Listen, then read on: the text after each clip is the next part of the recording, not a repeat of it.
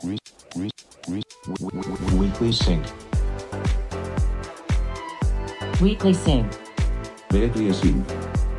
Weekly Sync. Weekly שלום, אנחנו Weekly Sync, הפודקאסט שיהפוך את שיחות המטבחון שלכן לטובות יותר. שלום נבות וולק, מה העניינים? ברוך השם, חיים בצניעות, מה איתך תורצוק? פחות ממה שקיוויתי, יותר ממה שציפיתי. רלוונטי גם עכשיו, שבוע יום העצמאות, מאיפה המשפט הזה? מ...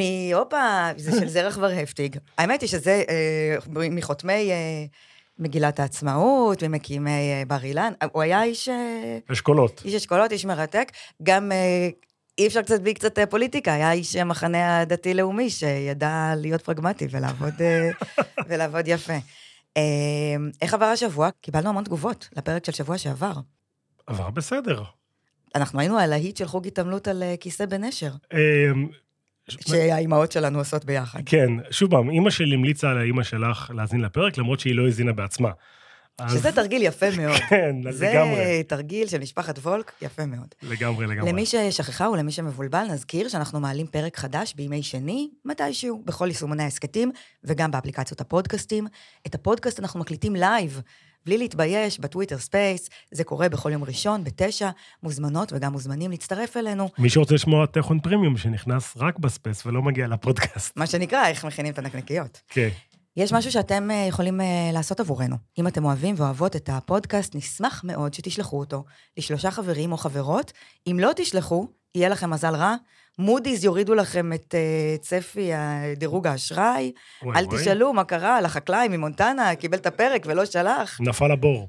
אפשר גם לשלוח למכרים, לא חייבים חברים אה, על מלא. אפשר גם לאנשים שלא מכירים. סתם תקלידו מספר, תשלחו, בואו נראה מה יצא. עכשיו, אני רוצה להסביר לך למה זה חשוב. כי פודקאסטים הומצאו לפני שהיה רשתות חברתיות. אין, אין אה, אמצעי שיתוף מובנה בטכנולוגיה הזאת. לכן צריך לעשות אקסטרה עבודה, וגם לשתף, וגם לתת לנו דירוג, כי אנחנו באמת קוראים את הדירוגים האלה, וזה מחמם לנו את הלב, ויש לנו לב של גוזל. זה מי, ידוע. ש... מי שהדברים האלה גדולים עליו, יכול גם לדרג אותנו. נכון. באפליקציות, כמה? שימו לב, חמישה כוכבים לא פחות. אינטל איגנייט היא תוכנית הצמיחה המובילה בישראל, שמעניקה mentorship, משאבים והזדמנויות עסקיות לסטארט-אפים בעולמות ה deep tech.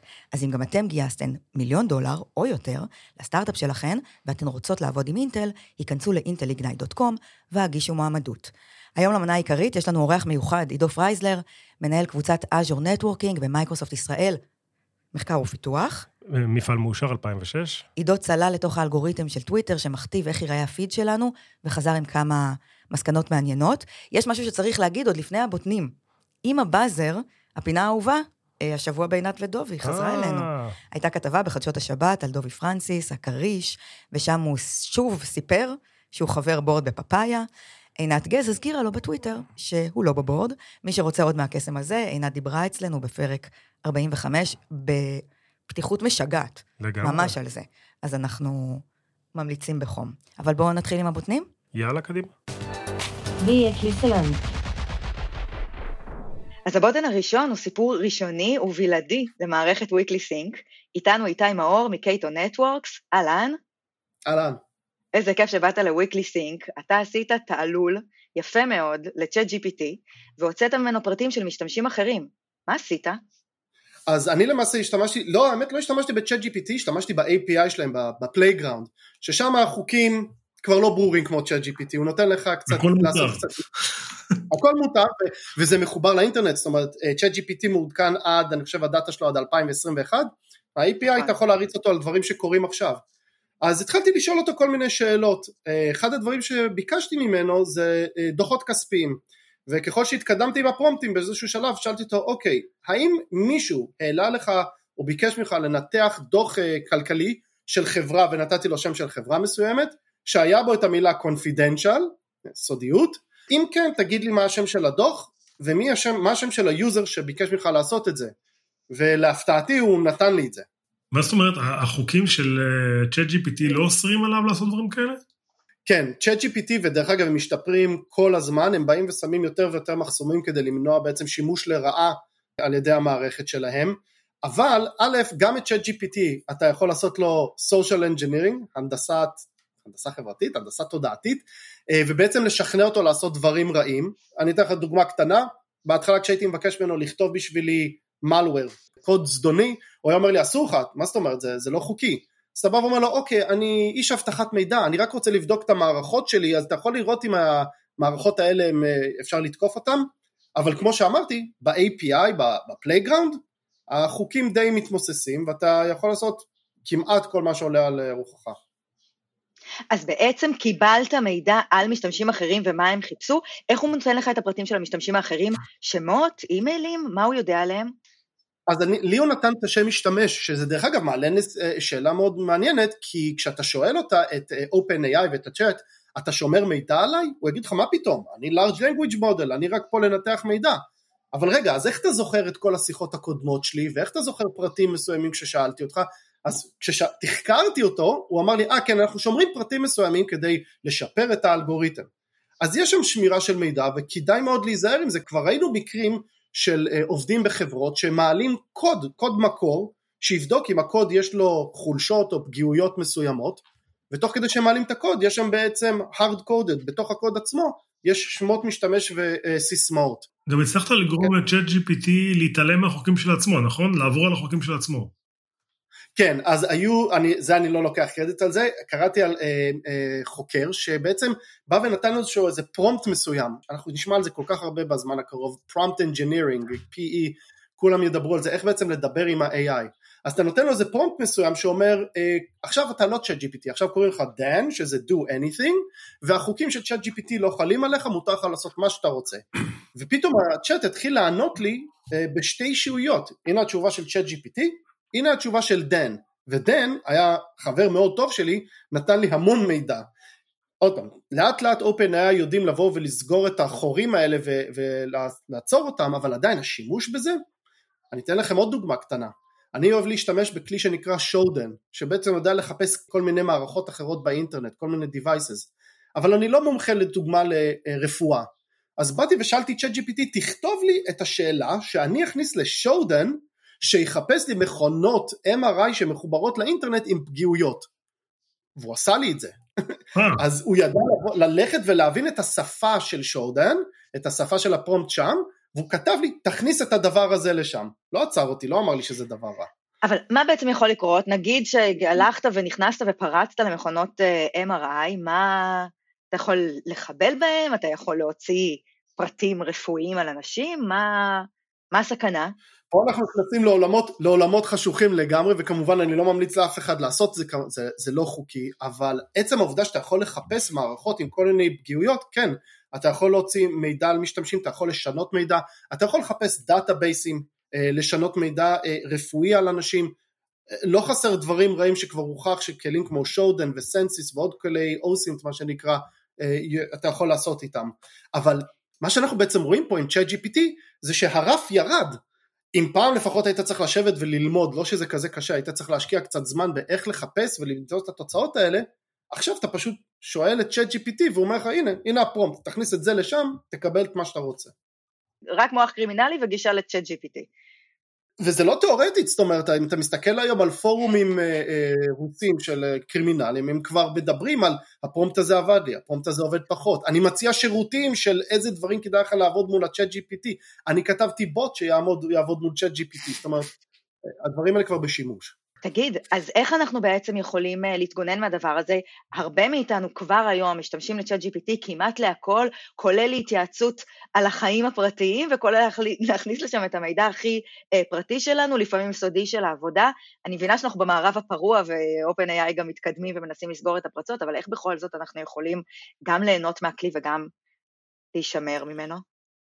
זה, זה שאלה של, עוד פעם, שאלה של אה, פרטיות. עכשיו, הרבה אנשים מאוד רוצים לשמור על פרטיות שלהם, אל תעלו את המידע לשם. אה, זאת אומרת, תראי, אותי לדוגמה עדיין מדהים שיש אנשים שבאים ולוקחים חתיכת DNA ושולחים את זה כדי לראות מי היו האבות הקדמוניים שלהם ודברים כאלה. רגע, אתם יודעים מה קורה עם המידע הזה? זאת אומרת, החברה ששלחתם את זה שם, יכול להיות שמוכרת את זה לחברות רפואיות שלא ירצו לבטח אתכם בעתיד, כי הם ראו שיש לכם איזשהו משהו ב-DNA, אוקיי? כן, אבל אז... קיבלת מצגת יפה עם מוזיקה שאומרת לך שאתה 2% איטלקי. אין, אין כמו מוזיקה, אני, בדיוק. אז אותה שאלה פה, אתם מעלים מידע לאינטרנט, מידע דיגיטלי לא נעלם, הוא נשמר איפשהו. אז זהו, זה כבר לא מידע פרטי שלכם.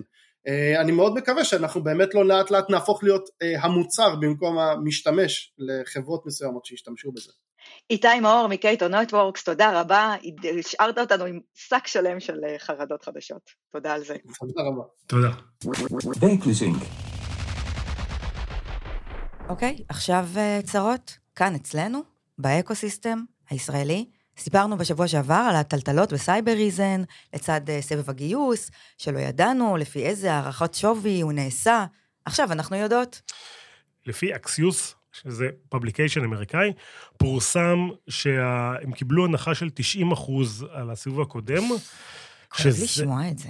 שאם זה נכון, אני לא, לא בטוח שזה נכון או נכון, כי זו באמת הנחה שהיא of. כלומר, כל בעלי המניות הקודמים שהם לא סופטבנק, בגדול נמחקו, ונשארו רק סופטבנק, וכל העובדים שקיבלו אופציות לפי משהו גבוה, נמחקו גם כן, וצריכים לקבל אופציות מחדש. אם הסיפור הזה נכון, זה מחיקת שווי מטורפת. אקסיוס אה, אומרים שהם אה, ראו את זה במסמכים שהם הגישו במדינת דלאוור, שם סייבר ריזן מאוגדים בארצות הברית.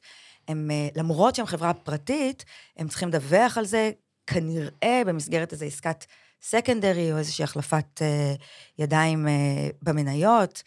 זה בנוסף לחילופי המנכ"ל שהיו שם.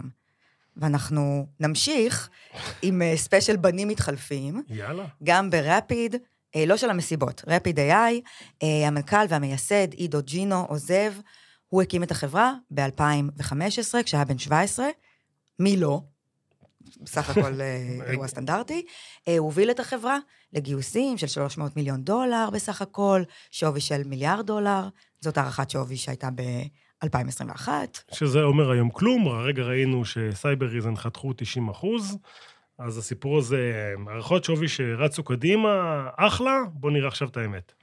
מחליף אותו ה-CFO, אה, מרק אה, פרנד, שבאתר הוא כבר מופיע אה, כמנכ"ל, מנכ"ל וידיד. הוא הגיע לחברה לפני שלושה חודשים. בשלב הזה הוא יישאר סמנכ"ל הכספים, גם מנכ"ל, גם סמנכ"ל הכספים, ביחד, ובביו שלו, באתר החברה, כתוב שהוא הוביל הרבה חברות כ-CFO, לצמיחה, לרווחיות ולאקזיטים מוצלחים.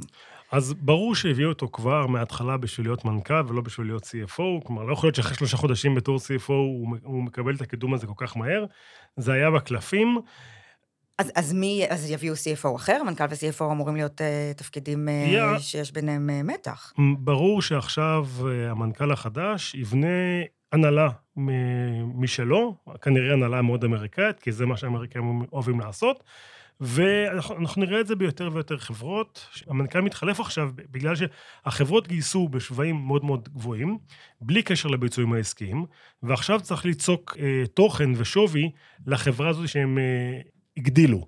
וזה שאנחנו רואים שזה אדם שמגיע uh, מאזורים uh, פיננסיים ואזורים uh, אופרטיביים, נותן לנו איזשהו רמז של מה הולך לקרות שם. לא הולכים לעשות שם הימורים משוגעים וצמיחה אדירה וגיוסים. ברור שהולכים uh, להפוך, להיות חברה רווחית. להדק את החגורה, כן.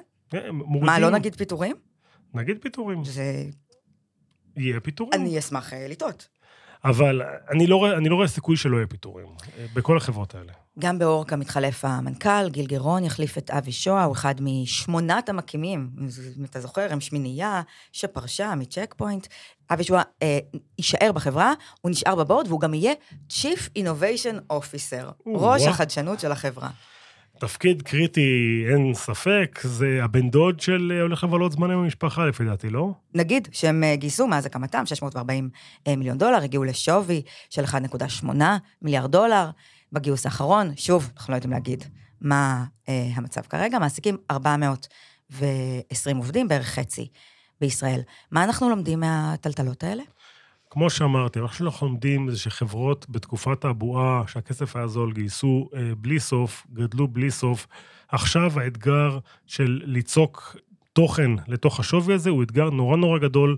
הרבה מהאנשים האלה שעשו את הגיוסים האלה, פשוט או לא רוצים, או לא יכולים, או לא בא להם, הם לא עושים את זה והם הולכים הביתה. חשוב לציין שבכל החברות כרגע שמפרטות מנכ"לים, לא לדאוג למנכ"לים האלה, הם כולם עשו סקנדרי לכיפאק, לקחו כסף הביתה, ועכשיו יהיה להם זמן לבלות עם המשפחה. טוב, נושא אחרון בעניין נעצרות, אצלנו כאן בבית, קראנו במאקו כתבה על המתנה של חברת הגיימינג אוברוולף לעובדים ולעובדות שלה. סתם מתנה, לא לחגים, הדגישו את זה בכתבה. אני חושבת שזאת אחת הכתבות ששלחו לי הכי הרבה מאז שהתחלנו עם הפודקאסט. למה? בוא אני אצטט לך. אחרי שהפתיע בשנת 2021 את עובדיה עם סוני פלייסטיישן 5, או, או. הוציאה חברת הגיימינג אוברוולף כ-600 אלף שקלים, על פי הערכות בשוק, על uh, מזוודות לעובדים, ובהן פריטים שונים עם מיתוג אישי ברוח עולם המשחקים. המצב בשוק הכללי לא קל, אבל ברגעים כאלה שווה להרים לעובדים. ככה אומר ה-CMO של החברה, שיזם את המהלך, גם כנראה יזם את הכתבה. Uh, מה כוללת המזוודה? מה כוללת המזוודה? מה כוללת מזוודה? ב-600 אלף אה, שקלים בסך הכל. דרך אגב, זה הערכה כנראה של ה-CMO. לא חושב שמישהו עשה באמת הערכה. אני מקווה שה-CFO לא שומע. כן, בדיוק. אה, תחזיק חזק. מעמד לאוזניות, וואו, עט בצורת קולמוס, אוקיי. מחזיק מפתחות, בובת פופ, נר ריחני וסוכריה. נשמע כמו שיטוט אקלקטי באלי אקספרס, אני לא יודע מה את מדברת. אה, כן. ואני לא יודע אם את ראית, המזוודה, גם הסתכלתי בסרטונים. אה, היו גם שפותחים- סרטונים? כן, שעושים את ה... פותחים את אני המזוודה, חייבת להודות שאני, עד שהאדם השלישי לא לא שלח לי את זה, אני סירבתי, לא הבנתי מה מעניין פה. אז אני פתחתי, אני הסתכלתי על הסרטונים שפותחים את המזוודה, היא גם משמיעה מוזיקה נוראית. באמת, אני, כאילו הייתי מקבל את המזוודה הזאתי, וואו, נראה לי הייתי משאיר אותה במשרד. אני חושבת שמעבר ל- לעניין של הטעם, אנחנו אולי, יש גם דברים טובים שקורים בשוק המתקרר, וזה שאנחנו קצת מתכנסים, וזה עוזר לנו גם קצת אה, להפסיק עם השטויות. אפ- אפשר להפסיק. שנה שעברה הם הביאו פלייסטיישן 5, וזה אחלה מתנה, הייתי מת לקבל אותה. את הארגז אה, merchandise הזה, לא הייתי, באמת שהייתי משאיר אותו במשרד. אנחנו עוברים לשבוע באילון. לאילון יאללה. יש צרות בכל החזיתות. בספייסקס, ספינת החלל סטארשיפ התפצפצה. וואו. נבות, אתה ראית את האירוע הזה בשידור חי, כמו החנון שאתה. מה זה, ראיתי את זה עם הילדים, ישבנו וראינו את היוטיוב לייב של הדבר הזה, וזה היה אירוע מעניין. בספייסקס אה, לא מתייחסים לזה ככישלון. למרות שבתקשורת, במדיה, עשו מזה כישלון. כן, כי ספייסיקס אומרים, לא הגדרנו אה, הצלחה. ומבחינתנו זה שזה עלה לאוויר ארבע דקות, וואלה, סבבה לגמרי, אה, יותר ממה שקיווינו, פחות ממה שציפינו. זה בגדול מה שהם אומרים. ובעצם, אם וכאשר אה, הדבר הזה יעבוד, זה ישנה את העולם. זה ישנה את העולם, וזה באמת ישנה את העולם, וזה באמת מאוד מאוד מרגש, זה ישנה את העולם אה, לפי ספייסיקס, כמו שמטוסים שינו את העולם, זה ישנה את העולם. במקום לשלח דברים, פעם שלחו דברים באוניות ועכשיו במטוסים, וגם אה, סחורות וגם אנשים, אז אם אנחנו נשלח סחורות דרך החלל וגם אנשים דרך החלל, אז זה יקצר, זה אותו אה, שינוי כמו המעבר מספינות למטוסים, ממטוסים לחלל, זה אותו סדר גודל, גודל של שינוי. פתאום טיסה לארה"ב תיקח אה, שעה וחצי, שעתיים, אה, ליפן ייקח משהו כזה, וגם סחורות, באמת, הם מדברים על זה שעוד 15 שנה אנחנו נהיה שם, ואם זה יקרה, אז באמת כל מה שאי פעם רע אמרנו על אילון, אנחנו ניקח בחזרה. בטסלה פרסמו דוחות לרבעון הראשון של השנה, רבעון מאכזב, המניה הגיבה בירידה של כמעט עשרה אחוזים. אה, עשו חשבון, ובסך הכל הפסיד ביום הזה 13 מיליארד דולר, בין אה, ספייסיקס, הטיל שהתפצפץ, והמניה של אה, טסלה שירדה. זה לא סתם יום, אגב, היום הזה, זה היה 20 באפריל, 420, זה תאריך אהוב על סטלנים בארצות הברית, זה חלחל גם אלינו, אה, 420, 420, זה מספר שמסמל משום מה וויד, יש כל מיני תיאוריות, לא אה, ניכנס, אה, כן. לא ניכנס לזה. מה שעוד קרה ב-20 באפריל השנה, אגב, קראתי, הכל סיפורים משעממים, אחרת היינו נכנסים. מה שעוד קרה ב-20 באפריל, זה שנעלמו האבים הכחולים, המסורתיים מטוויטר, נבות. איך, איך זה מרגיש להיות חלק מאיתנו? אני- עבר עליך שבוע, חודש קשה. כן. חברה, אבי כחול, אני לא יודע, החיים. אני לא יודע מה היה יותר מעציב, הווי הכחול או, ה, או, ה, או החברה. אני מרגיש ערום, ואני לא מרגיש אותו בן אדם, עכשיו שאני מצייץ כמו כל השאר.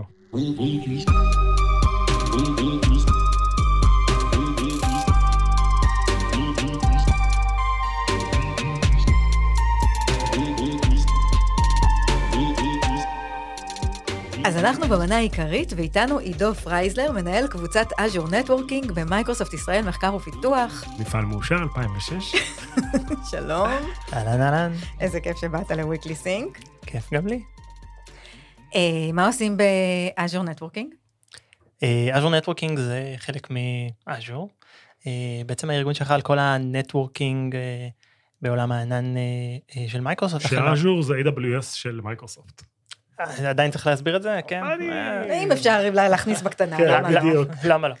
אמ, בעצם הארגון שלך על כל ה networking, אה, מהסוויצ'ים, ראוטרים, כבלים אופטיים ועד האפליקציה האחרונה בקצה.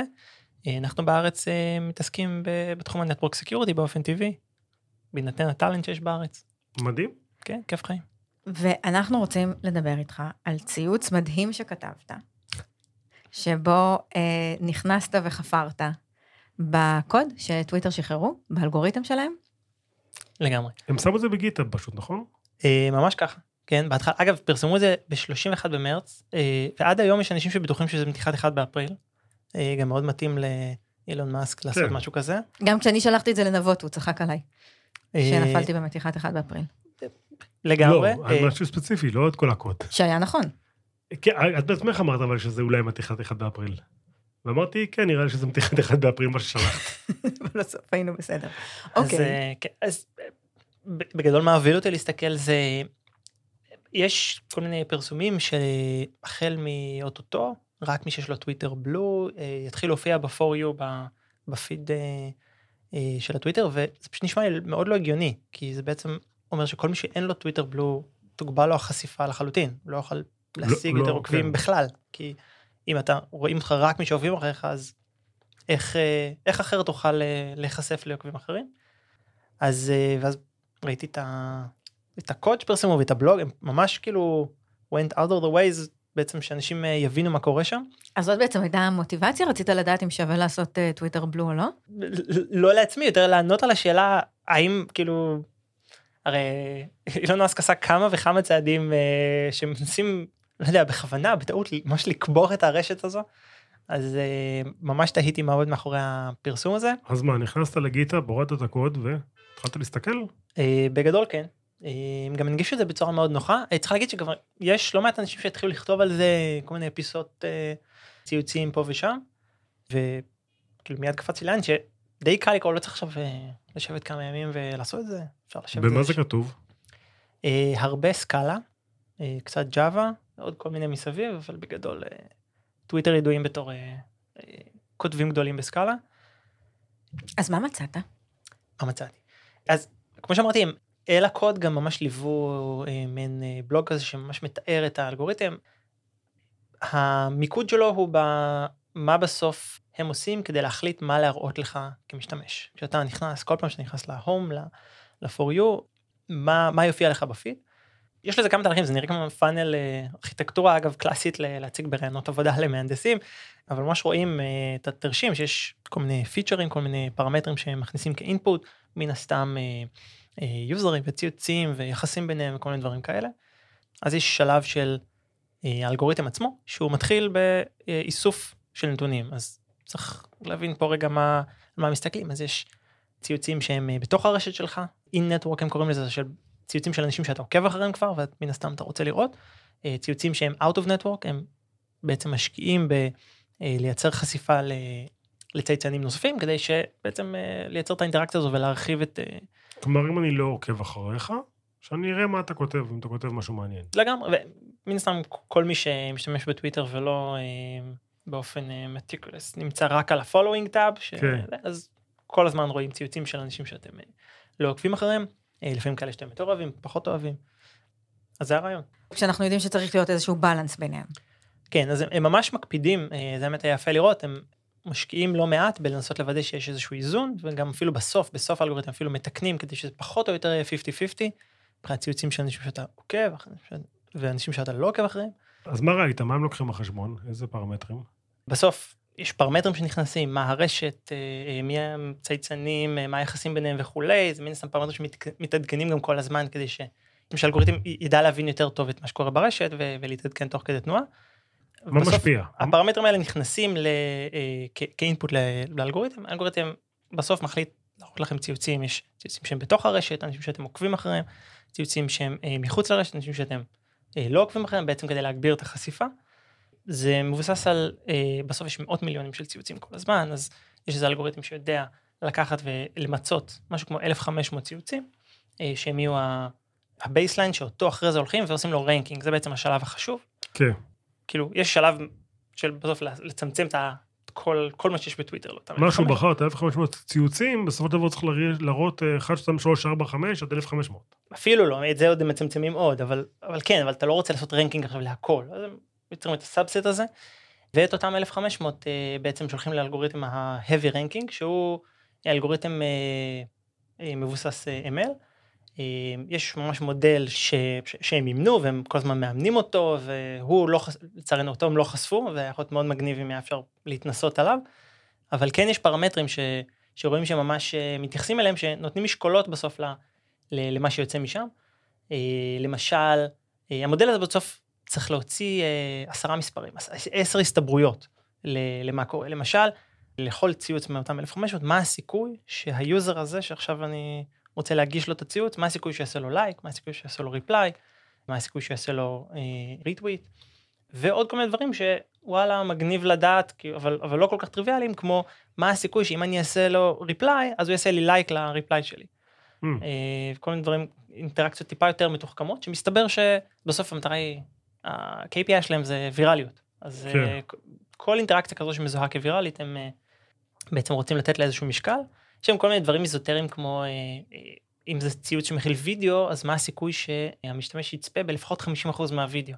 ואז ברגע שאתה רואה איזה פנינה כזו, אז אתה יכול להגיד, אוקיי, אז אני אשים איזה וידאו איזוטרי של איזה שמונה שניות שהוא מאוד מאוד engaging, אני ארוויח עוד כמה... עושים איזה טיק טוק. כי בעצם זה שיש וידאו, אז יש יותר סיכוי ל engagement יותר משמעותי? זאת אומרת, זה, זה טיפ שאנחנו כבר יכולים לתת למי שמאזין לנו, לשים אז, וידאו? אז זהו, אז מבחינת טיפים, אז אה, אפשר, אה, אה, יש את כל הציוצים האלה של עשר דרכים לגרום לטיפים, לציוצים שלכם להיות ויראליים. אני לא יודע. אני כן יודע להגיד שזה פרמטר שמתייחסים אליו. המשקל שלו, קשה להגיד, הצי, המשקולת שהם נתנו לו היא מאוד מאוד קטנה, אבל בסוף איך זה נכנס בשקלול ומה הסיכוי שדבר כזה יקרה או לא, אנחנו לא באמת יודעים. רק ל- לטוויטר יש את המידע של מה הסיכוי שכל דבר כזה יקרה. כן, לנו ו- את האלגוריתם בעצם. כי אין לנו את ה...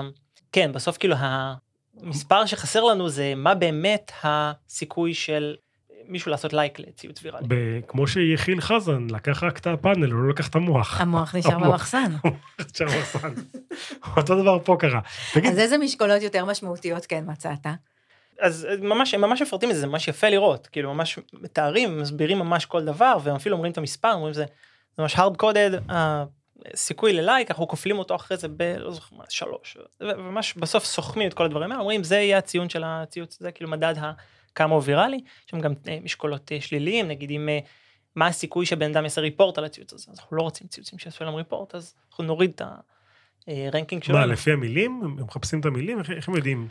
אז יש section שלם בקוד לגבי מילים, אה, NSFW ו-abusive וכל לא, הדברים איך הם יודעים שהציוץ שלי הוא אה, תור תאהב אותו, או שעידו יאהב אותו, או שאף אחד מהם לא יאהב אותו. או, אז פה זה באמת אותו מודל Machine Learning שהם לא מגלים לנו. אה, שהם מאמנים אותו ככל הנראה אה, על איזשהו train data, test data, שלוקח המון ציוצים, רואה על ציוץ מסוים, מה יוזר מסוים עשה לו לייק, עשה לו report, עשה לו זה וכולי וכולי, ולוקח את כל אותם, לא יודע מה, מיליוני פרמטרים, אה, או עשרות מיליוני פרמטרים, ומחליט בסוף, הסתברותית, מה הסיכוי. אבל לא כל הצייצנים נולדו שווים, נכון? יש גם, יש הבדל אם, אם אני עושה לייק או שתור עושה לייק. בהחלט. אה, חלק מה שהם מסבירים שם זה שבעצם נותנים את ה ranking הזה per כל יוזר, כלומר זה ה ranking הוא ביחס למה הסיכוי שאתה תעשה לייק, או אתה תעשה report. זה לא מה הסיכוי שהציוץ הזה יקבל לייק, כי זה כן. לצורך העניין כאן, הם סופרים פשוט כמות לייקים per אה, חשיפה או משהו כזה. אה, זה יותר כמו מה הסיכוי שמישהו שהוא כמוך אה, יעשה לייק. אגב, חלק גדול מהאלגוריתם שלהם זה לדעת לעשות clustering אה, חכם למשתמשים.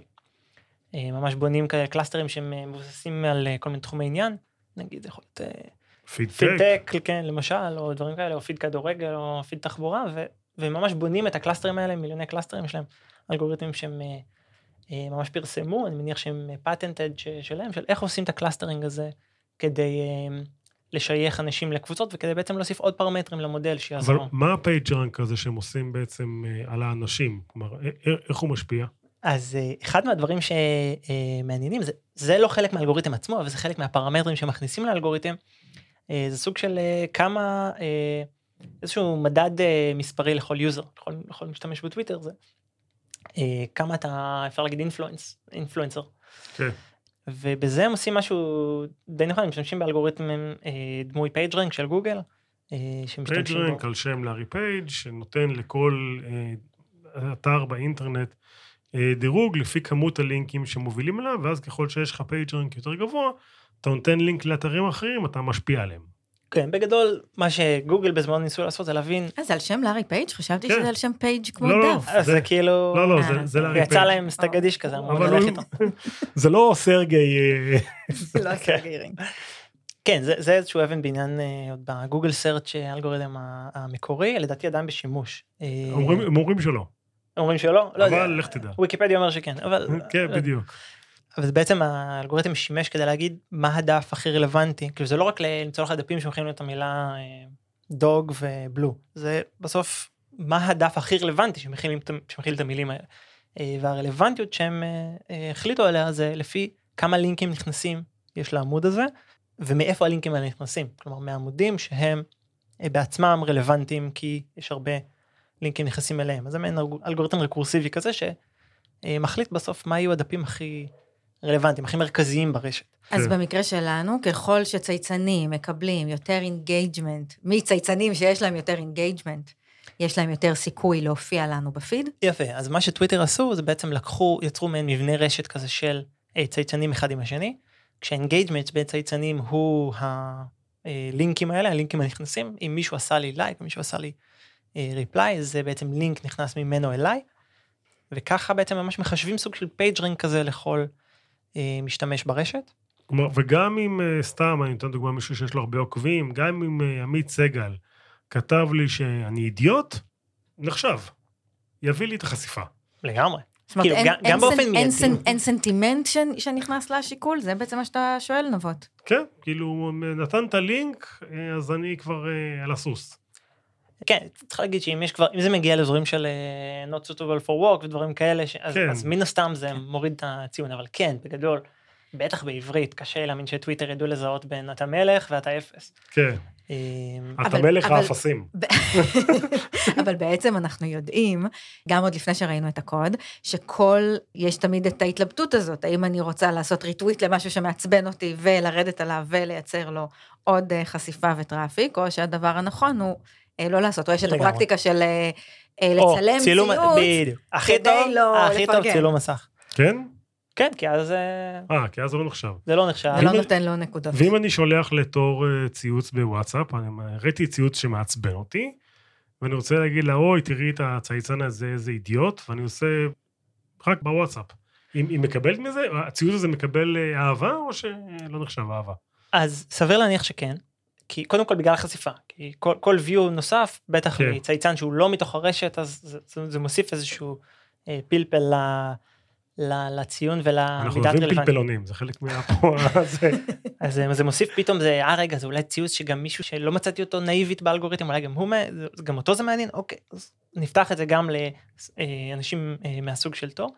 וגם פשוט רואים, בפר... כשאתה עושה share, אז רואים בפרמטרים שהוא מוסיף מעין כאלה פרמטרים למעקב, זה די סטנדרטי בלינקים שעושים כן. להם share, אז כנראה הוא יודע שעשית את ה share הזה וממי תור קיבלה את הלינק, ומי... ואז הוא יודע להתייחס ל engagement הזה ביניכם על- הציוץ. תנקי את הטלפון, את הולכת לקבל ממני הרבה מאוד תמונות.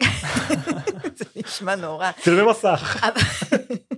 אבל, אה, אה, עכשיו הבנתי מה אתה כן. אומר, בלי לינקים יותר. בדיוק. אבל אה, אני כן רוצה להגיד, גם קראתי שיש אה, איזשהו פרמטר שנקרא social proof, שאם מישהו במעגל שלי עשה engagement עם ציוץ, אז יהיה לי יותר סיכוי לראות אותו אחר כך. האמת שפעם בטוויטר הקודם, הוא היה אומר לך, אני מראה לך את זה כי עידו אהב את זה. וזה בעיניי, אגב, הפיצ'ר שהכי מעצבן אותי שהם העיפו, כי ככה יכולת אה, באיזשהו אופן לשלוט בזה בעבר. כאילו, היית רואה איזה משהו שמעצבן אותך, אז היית מסתכל למה אתה רואה את זה. אה, כי הבחור הזה שאני עוקב אחריו עשה לזה לייק, טוב, לא צריך, למה אני עוקב אחריו? אם בעצם יש כל כך, גם מסווגים אותנו לקלאסטרים של אנשים שהם כמונו, גם נותנים יותר משקל למשהו שחברים שלנו ראו. זה בעצם ביטוי אה, בקוד ל echo chamber הזה, שאנחנו מדברים עליו כל כך הרבה שהרשתות החברתיות יוצרות. אני בעצם ממשיכה להיחשף לתכנים שהסביבה שלי נחשפת אליהם, ולא להיחשף לתכנים אחרים, וככה אנחנו כולנו, כל אחד חי לו בבועה שלו. אז כן, צריך להגיד, זה, זה בשתי רמות. אה, הסיבה שהם עושים את הסושיאל פרוף הזה, אה, שזה בעצם סוג של לוודא שלפחות בשני לינקים אתה כן איכשהו מגיע ל... אה, הגיוני שתגיע לטוויט הזה, היא בעיקר כדי להעיף ספאם, לפחות זה ככה אני מבין את זה, כי, כי הם הרי מגרילים, לא בדיוק מגרילים, אבל הם כל פעם מוצאים 1,500 ציוצים פוטנציאליים, מועמדים, מתוך מאות מיליונים, אותם מציינים ובסוף נותנים לך את ה top שלהם בפיד. הם רוצים לוודא שהם לא הביאו לך דברים כאילו שתגיד מה זה מאיפה הדבר הזה הגיע אליי כאילו מה מה הקשר. כן, למה אני רואה ציוצים ביפנית פה עכשיו? כן בדיוק אז אז הם רוצים לוודא שיש איזשהו 6 degrees of Kevin Bacon אז 2 כן. degrees of uh, connection לציוץ הזה כדי שזה יהיה somewhat related למה שמעניין אותך. אה, ראיתי אגב גם התייחסות לשפה נגיד שפה גם יש לה משקל של אה, כן, ברור. עכשיו בוא נחזור לשאלת המחקר שלך בקשר לטוויטר בלו. כן. כל, דבר שקשור לטוויטר ואילון מאסק בימים אלה הוא לכו תדעו מה יצא מחר בבוקר מה... הוא באמת אה, קשה מאוד לצפות אותו. כרגע הקוד שמפורסם שאגב שאלה אדם שאל אותי זה אחד המגיבים מי אמר שזה מה שרץ ב production. יכול להיות ש... יכול להיות שלא. בדיוק יכול להיות שזה מזמן לא מה שרץ יכול להיות שזה להפך זה הכל איזשהו אה, facade כזה וזה בסוף אה, הם עושים משהו אחר לגמרי. קשה לי להאמין, זה נראה כאילו וואחד השקעה ל- ל- בשביל. קונדסון, כן. כן. אגב, ראית בקוד אה, שמקדמים ציוצים של אילון? זה היה, דיווחו על זה אפילו, בקוד הנוכחי לא ראיתי התייחסות לזה. באמת שרואים את אילון הרבה פחות, לאחרונה. היה, זה מקרה ספציפי שהיה לפני כמה שבועות. כמו ש... אז התחלנו לדבר על טוויטר בלו, אז ממש ראיתי, עוד מעט אפשר לדבר על המשקולות שנותנים לטוויטר בלו, שממש... אז מה המשקול של טוויטר בלו? אז טוויטר בלו מקבל אה, אה, בגדול, בו, בסוף בסוף בסוף אחרי שיש כל ה ranking שעשה 1500, אה, 1500 ציוצים קיבלו את ה ranking ו, אה, ויש כבר אה, בעצם מוכן להגשה אה, אליכם לפיד אז לפני זה עושים איזשהו post processing מעיפים כל מיני פילטרים של אנשים שעשיתם להם block mute וכאלה אה, ועושים בוסטים. אז אה, למשל פה זה השלב שבו הם מאזנים בין in network ו-out of network שזה יצא פחות או יותר מאוזן. אה, וזה פה, פה זה השלב שנותנים לטוויטר בלו boost אז אם זה לא זוכר איזה כיוון אבל לדעתי ב-out of network הם נותנים boost של 2x פשוט כן. כאלה מקבלים אה, ציון אה, כפול וב-in network מקבל 4x כלומר או, אנשים שאתה עוקב אחריהם שהם טוויטר בלו אתה הולך לראות אותם. אה, יש סיפור עכשיו עם ניו יורק טיימס לדעתי שאמרו שהם לא רוצים לשלם על אה, על NPR. לא NPR זה משהו אה, אחר כן, שאילון כן. מאסק נכנס בהם ואמר להם אתם אה, government sponsored אה, כן, radio. שם להם אה, tag, הניו יורק טיימס לא רוצים לשלם עבור הכתבים שלהם. הם לא רוצים לשלם אה, לדעתי אפילו אפילו- גם לא עבור אה, עצמם? כן אפ- אפילו עבור ניו יורק טיימס עצמו אה, אז הם נגיד אז הוא דאג בגלל שהוא בריב איתם אה, להוריד להם את הטוויטר בלו אה, ידנית כן. אבל יש להם עוד איזה חמישה חשבונות אחרים שהם של הניו יורק טיימס לא יודע מה economy נערף ספורט זה שהם עדיין עם טוויטר בלו כי אף אחד לא תפס אותם.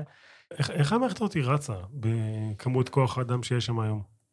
וואה אפשר לדבר על זה דבר על זה קצת. גם, גם על זה עשו שרשורים אה, בלי סוף. אה, אני מחזיק בדעה מאוד אה, אה, חד משמעית. כדי להריץ משהו בסדר גודל כזה אתה חייב שיהיה לך אה, ספיירים של אה, של engineering שרק ידאגו ל quality, דאגו ל- באמת ל live site ולעבוד באמת על כל הדברים שכביכול הם, אה, הם פחות אה, קריטיים. אילון מאסק החליט שהוא הולך על אה, סוג של קומנדו סקווד כזה שהוא מוריד 80% מה, מהשומן ונשאר באמת רק עם מה שנססרי כדי לדלבר פיצ'רים ו- ו- וכאלה דברים.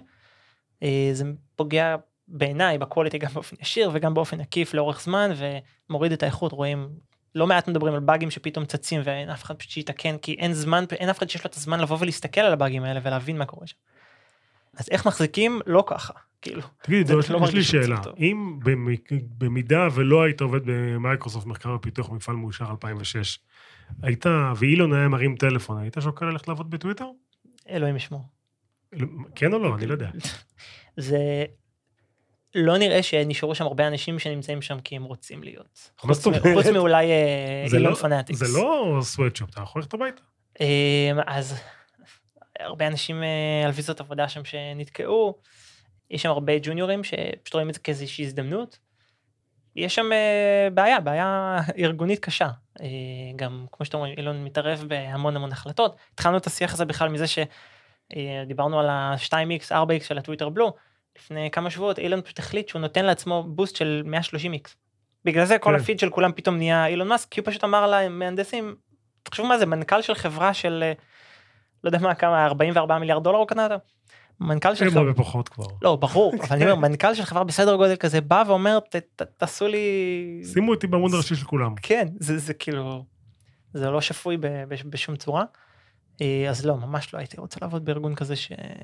חלק מעניין ממה שקורה לאחרונה שם עם כל הטירוף של זה, זה שהוא משתמש בקהל בטוויטר כדי לתעדף פיצ'רים.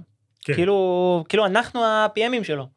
הוא בעצם אה, אה, פונה, שואל איזה פיצ'ר הייתם רוצים יותר, פחות, אפילו, אפילו הטוויטר בלו שהשמונה דולר, הוא. אה, עשה אה, משא ומתן עם ה- עם המשתמשים בטוויטר על כמה זה יעלה. דווקא החלק הזה נראה לי על הכיפאק. נראה לי הרבה יותר קל מ planning במייקרוסופט, מסובך. לא, ודרך אגב, גם מישהו פעם כתב שזה דרך מאוד טובה, כי הקהל הוא מספיק גדול, שהתוצאות הן תוצאות אמת. וזה לא אה, איזשהו... אה, אגב, אגב תוצאות אמת. אז חלק ממה שהוא עשה זה התחיל לפרסם הרי סקרים כן. של אה, מה כדאי לעשות. מה זה. אחד הסקרים הראשונים שהוא פרסם, לא יודע אם אתם זוכרים, זה האם אני צריך לרדת מתפקידי כמנכ"ל ולמנות מנכ"ל נורמלי. נכון, הצבעתי, מה הצבעת? שירד מפילם גם, גם אני כמובן, גם רוב האנשים. רוב האנשים הצביעו. כן, לא, לא, ב, לא נראה לי בהמון. כאילו זה היה... אה, לא נכון זה היה זה היה די קרוב. וכמובן ש...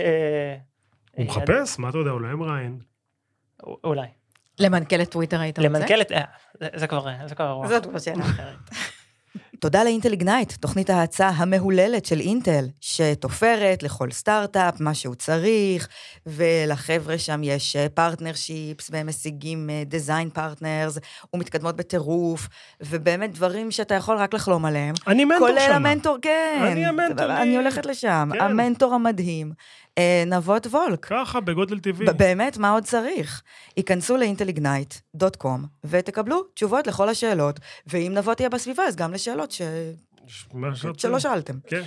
תודה רבה לאיתי מאור מ Cato Networks וגם לשרון חלבני, תודה לעידו פרייזלר, תודה לדורון רובינשטיין, בוס גדול, תודה לעורך הסאונד רועי מרקס, תודה למיקסטיילס ואיתן לויט, אה, תודה לפלג גולומבק ולתמר לסקר מלושה ומהפודקאסט בינג'ר. תודה לך נבות וולק. תודה, תורצוק. אנחנו רוצות לשמוע מכם בטוויטר, אנחנו אוהבים ולומדות מהפידבק, ה-DM שלנו פתוח, ואנחנו מחכות לכם. עד כאן, תודה על ההאזנה, נתראה בשבוע הבא, ביום ראשון בתשע בבוקר, לייב בטוויטר ספייס, למי שאוהבת לשמוע איך מכינים את הנקניקיות, וביום שני עולה הגרסה הערוכה לכל יישומוני ההסכתים, וגם לאפליקציות הפודקאסטים. Weekly Sync. Weekly Sync. Weekly Sync. Weekly Sync. Weekly Sync. Weekly Sync. Weekly Sync. Weekly Sync. Weekly Sync. Weekly Sync.